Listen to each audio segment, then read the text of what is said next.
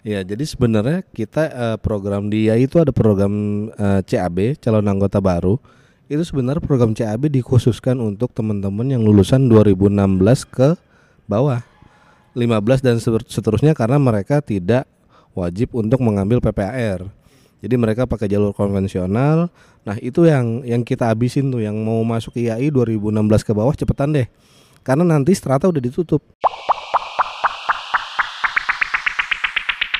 Halo, Etok di sini gue Albertus Prawata. Kali ini gue sedang bersama Mas Guru Dirgantoro. Dia ini adalah uh, ketua bidang pendidikan IAI Jakarta. Halo Mas Guru. Halo Om Berto. Iya, ini spesial karena mungkin nanti Mas Guru akan bercerita banyak kaitannya dengan PPR pendidikan arsitektur. Jadi ini salah satu hal yang mungkin seri, uh, sudah mulai banyak di banyak perbincangannya karena mungkin dengan kaitannya dengan undang-undang arsitektur yang sudah diberlakukan, lalu bagaimana nanti pendidikan sarjana arsitektur disamaratakan dengan kuliah pendidikan uh, yang lima tahun itu, lalu bagaimana persamaan dengan PPR. Nah ini Mas Guru akan menceritakan prosesnya kurang lebih seperti apa dan semoga bisa memberikan informasi kepada kita semua. Nah, uh, Mas Guru PPARS ini uh, gimana sih istilahnya ini kita tuh ceritanya lah mungkin dari awal mungkin sebelumnya gue koreksi dulu ya. Oh, ini okay. penyebutannya PPAR. Oke. Okay, Pendidikan wah, Profesi Arsitektur. Yang salah lagi aduh. S-nya nggak ada. PPAR. Iya, Oke. Okay. Pendidikan PPR. Profesi Arsitektur. Arsitektur. Jadi gini, uh, sebenarnya ide awalnya adalah ya kembali ke yang tadi lo bilang ini lo gue oke aja ya. Santai. ini konsekuensi logis dari undang-undang. Jadi ketika kita dinyatakan sebagai sebuah profesi, maka semua profesi itu diwajibkan untuk menempuh pendidikan profesi. Gak cuman di kita aja sebagai arsitek ya, ini berlaku juga di sebelumnya kayak ke lawyer, dokter, eh, bahkan farmasi punya pendidikan profesinya sendiri rata-rata itu durasinya lima tahun sementara kita tahu kurikulum yang ada di kampus dengan 144 SKS itu bisa ditempuh empat tahun bahkan kurang.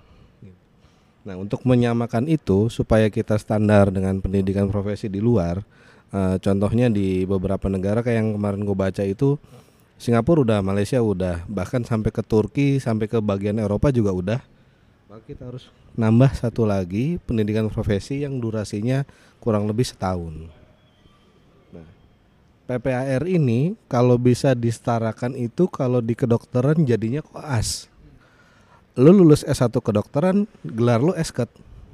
Bukan dokter. Lo dapat gelar dokter nanti setelah lo koas dan lo PPT. PPT di kita namanya magang. Jadi jadi uh, prosesnya setelah lulus sarjana arsitek ambil PPAR terus magang plus minus 2 tahun baru kita bisa terdaftar sebagai arsitek yang berlisensi legal deh tuh praktek sebagai seorang arsitek. Oke, jadi sebetulnya uh, eh, PPAR ini dikhususkan bagi teman-teman uh, yang berkuliah di jurusan arsitektur untuk menjadi arsitek profesional. Yang mau itu? jadi arsitek. Betul. Oke, jadi kalau memang ada teman-teman uh, yang sekarang sekarang sedang berkuliah di jurusan arsitektur, lalu dia sebetulnya tidak ingin menjadi arsitek yeah. profesional, dia tidak Nggak tidak, perlu. tidak perlu. Jadi ya udah lulus sarjana Betul. arsitektur atau ST mungkin yeah. sekarang ya, dia mungkin ya terserah ya bebas yeah. ya seperti itu. Karena faktanya menarik ya. Hmm. Uh, lima tahun pertama mungkin masih ada sekitar 20% tuh dari fresh graduate yang masih jadi arsitek atau berkelut di dunia arsitek nanti ketika di atas 10 tahun tuh baru kerasa sisanya tinggal dua persen hmm. coba deh gue tanya sama lo hmm. temen lo sangkatan berapa kalau unpar sih banyak kali ya Iya iya. iya. Rata-rata itu yeah. uh, 5 maksimal 7 persen. Okay. Seangkatan yang jadi arsitek. Jadi arsitek. Iya, iya. Ada benarnya juga sih, betul. Uh, bahwa ini adalah salah satu program kaitannya dengan tadi undang-undang arsitek yang sudah ditentukan bahwa kita harus menyamakan ratakan kita dengan negara-negara lain yeah. yang bisa dibilang ya dengan di mana negara-negara lain ini sudah uh, lima tahun tadi sedangkan kita masih yang tadi itu masih empat uh, tahun itu sebenarnya ya? bukan ke negara lain tapi ke UIA oke okay. UIA itu asosiasi uh, internasional hmm, arsitektur yeah. mereka itu persyaratannya untuk jadi profesional arsitek oke okay, oke okay. nah ini mulai uh, mungkin let's say gini, kapan sih kira-kira efektif mulai efektif untuk kita berlakukan ya? Sebenarnya secara peraturan itu sudah mulai efektif dari 2016. Oke, Jadi berarti- dampaknya ke angkatan 2016 ke atas 17 dan seterusnya eh, bisa dibilang satu-satunya cara untuk mereka jadi profesional arsitek adalah dengan ikut PPAR. Tapi sementara ini karena kita tahu juga di beberapa daerah dan bahkan di Jakarta sendiri eh, secara infrastruktur belum siap ya. Jadi masih bisa dikonversi dengan eh, berpraktek selama empat tahun. Oke, jadi misalnya nih eh, kita case by case. Misalnya gua gua misalnya gua lulus tahun 2016. Heeh. Misalnya gue lulus tahun 2016, terus ternyata gue belum tahu eh, belum tahu mengenai PPR. Terus gue kerja Iya. kerja empat tahun, gue bisa mengkonversikan gue kerja itu setara dengan gue mengikuti PPR berarti PPR tadi. Betul, kurang lebih gitu. Lalu gue bisa mengajukan sertifikasi keahlian arsitek gue gitu. Enggak, itu baru pemenuhan terhadap PPAR belum magangnya ya. Oke, jadi itu adalah konversi dari PPAR-nya. Iya. Setelah gue empat tahun Tapi lagi, begini, ah, let's say ya, ah, 2016, Iya. 4 tahun 2020, mm-mm. kalau itu peraturan belum berubah bisa. Nah, kalau misalnya peraturan belum berubah nih gimana maksudnya? Itu kan kebijakan IAI nasional. Oke, oke, oke. Eh, itu kan kebijakan eh, nasional karena kita tahu infrastrukturnya belum siap, Heeh, heeh. maka ada konversi itu. Tapi nanti ketika terbentuk Dewan Arsitek Indonesia, Mm-mm. Maka eh, tahap yang tadi gue bilang itu jadi mandatori.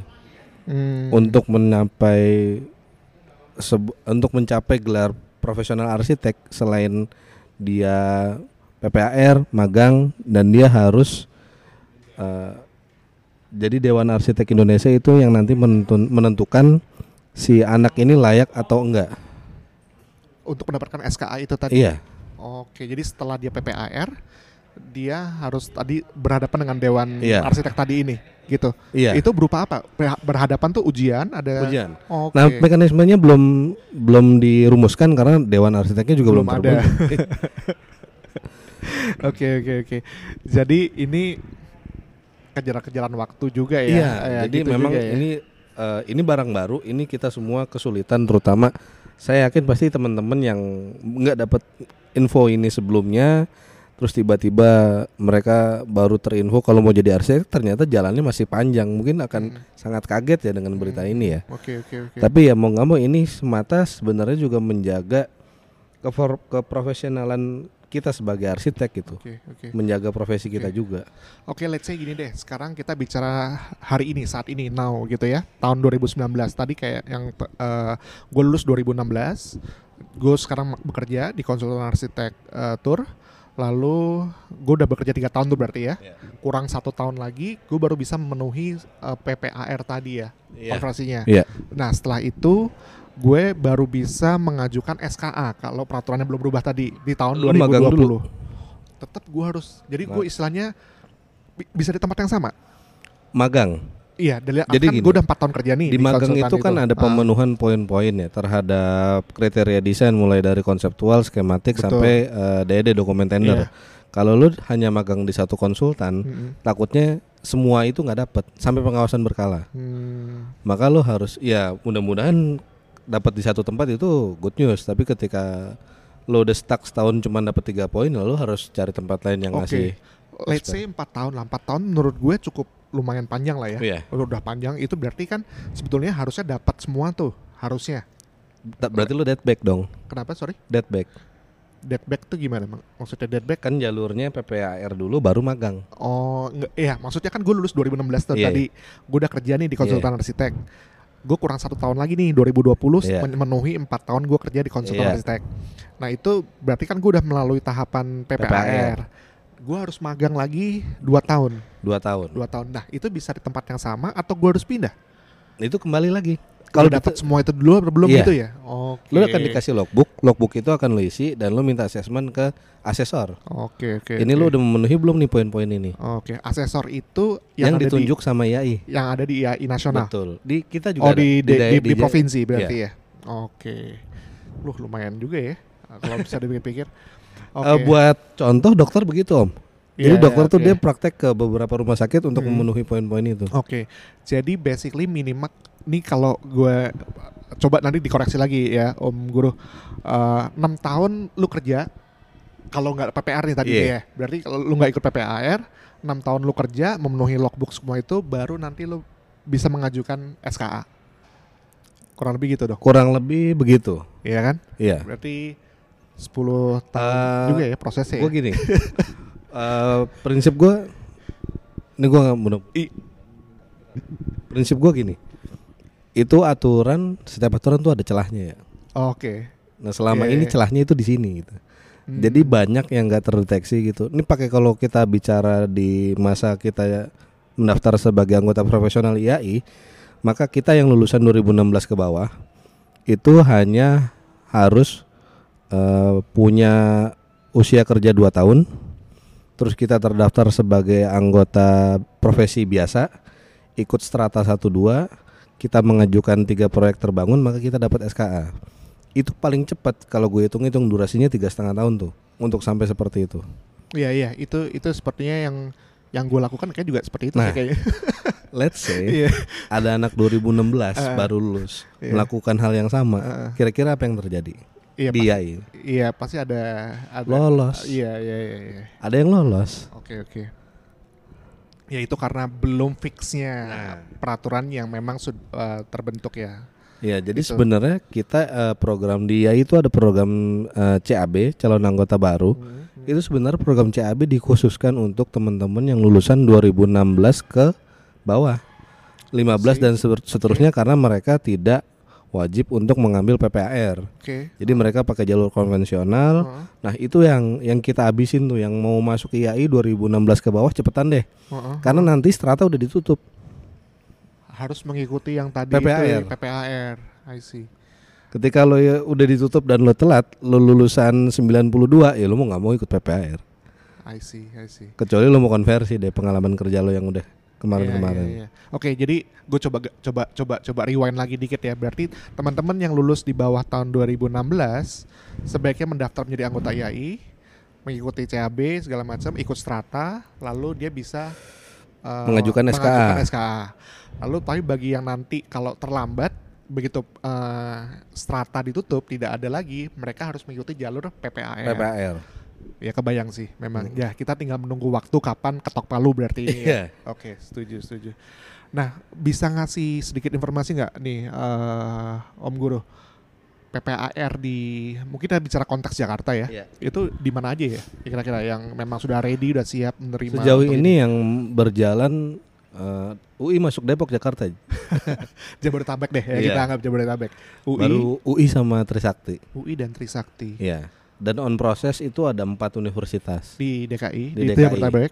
Mana aja? Boleh tahu? Eh, Pancasila, UKI, Mercubuana, Tarumanegara. Oh, I see. Muhammadiyah 5 berarti. Mulai udah mulai berarti ya. udah mulai penjajakan sama kita, kita udah asistensi Oh, MOU. Terus mungkin ya mereka sama mereka lagi nyiapin eh, infrastruktur ya, dosen, mhm, mhm. terus studio itu kan ada beberapa yang Mhm. dipenuhin untuk mereka buka program PPRs dan borang dikti. Oh, Oke, iya iya iya. Oke prosesnya berarti emang cukup cukup ini ya cukup ribet ya. Wah oke, ini mungkin informasi yang sangat-sangat berharga. Gue juga menjadi lebih melek, lebih tahu terkait dengan hal ini. Eh, Teman-teman yang mungkin lulus sudah di bawah tahun 2016 dan belum menjadi anggota IAI, mungkin ini saatnya sekarang bagi yang mau berprofesi sebagai arsitek Nah, sekali lagi. itu Ya, ini garis-garis bawahnya Ya. adalah ini. Bagi yang ingin berprofesi sebagai arsitek, silahkan mendaftar ke IAI provinsinya, lalu bisa mengikuti stratanya, lalu bisa mengajukan mengambil surat keahlian arsitek. Bagi teman-teman yang tadi yang lulus di atas atau di, eh, di atas tahun 2016, berarti udah mulai mengikuti jalur yang PPAR tadi PPAR. itu ya. Di beberapa baik. daerah sudah buka setahu saya di Jogja tuh ada UI sama UGM, Oke. di Bandung ada ITB sama Unpar, Mhm. di Semarang ada Undip dan Unika Sugia Pranata, Hmm, hmm. di Surabaya ada Petra. Hmm, hmm. Dia udah lumayan dia. Ya di itu, Jawa di- sih udah aman lah lumayan ya. Mungkin kita belum tahu yang Ya. di luar. Yang di daerah ya. Sumatera Utara malah Udah, duluan. USU oke. tuh 2007 udah ada. Eh 10 Oke, udah ada. Oke oke oke. Ya, ya. Ya, jadi ini informasi yang sangat berharga sekali. Terima kasih Om Guru sudah memberikan celah membuka Siap, sama-sama. eh, terkait dengan PPAR ini dan kita berharap tentunya profesi arsitek ini akan semakin eh, menjadi apa ya istilahnya ya, jangan menjadi istilahnya apa ya mungkin tidak tidak tidak diperhitungkan kali Iya. ya karena kita juga sebelumnya secara profesi juga sama dengan profesi-profesi lainnya Iya. contohnya yaitu dokter tadi eh, di mana kita punya undang-undang kita punya peraturan dan semoga ini juga dari IAI nasional bisa segera memutuskan jalurnya, rulesnya, peraturannya, tata caranya secara lebih fix sehingga kita juga bisa mengikuti jalur-jalur yang sudah ditentukan tersebut. Siap. Ada pesan-pesan nggak kira-kira Om Guru yang mau disampaikan kira-kira langkah-langkah selanjutnya atau apa yang harus disiapkan, di dikerjakan seperti itu? Eh, buat teman-teman yang baru dengar, terutama yang eh, tingkat akhir ya, tetap semangat.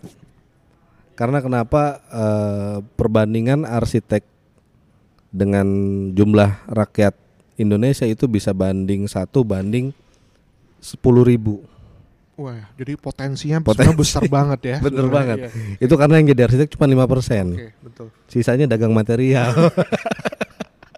Duitnya lebih banyak lebih loh. banyak bener, iya bener bener bener. Eh, Iya, iya. Oke, jadi ini suatu lahan pekerjaan ke depan yang benar-benar terbuka luas buat kita ya di- untuk bangsa Indonesia. Eh, mungkin ada lagi nggak ya mungkin yang menjadi jingan atau atau mungkin ini sekali mungkin terakhir sekaligus penutup bagi misalnya nggak tahu nih pendengar siapa tahu ada ketua jurusan atau teman-teman di jurusan arsitektur yang mendengarkan kalau mau membuka P- PWR itu jalurnya gimana tuh Om Guru? Iya. Eh, bisa bersurat ke sekretariat IAI nasional untuk minta di brief minimal kalau emang buta sama sekali ini kita akan membantu untuk eh, membrief teman-teman dari jurusan apa aja yang perlu disiapin itu eh, di antaranya ada MOU dengan IAI nasional dan MOA Memorandum of eh, Agreement Agreement, ya.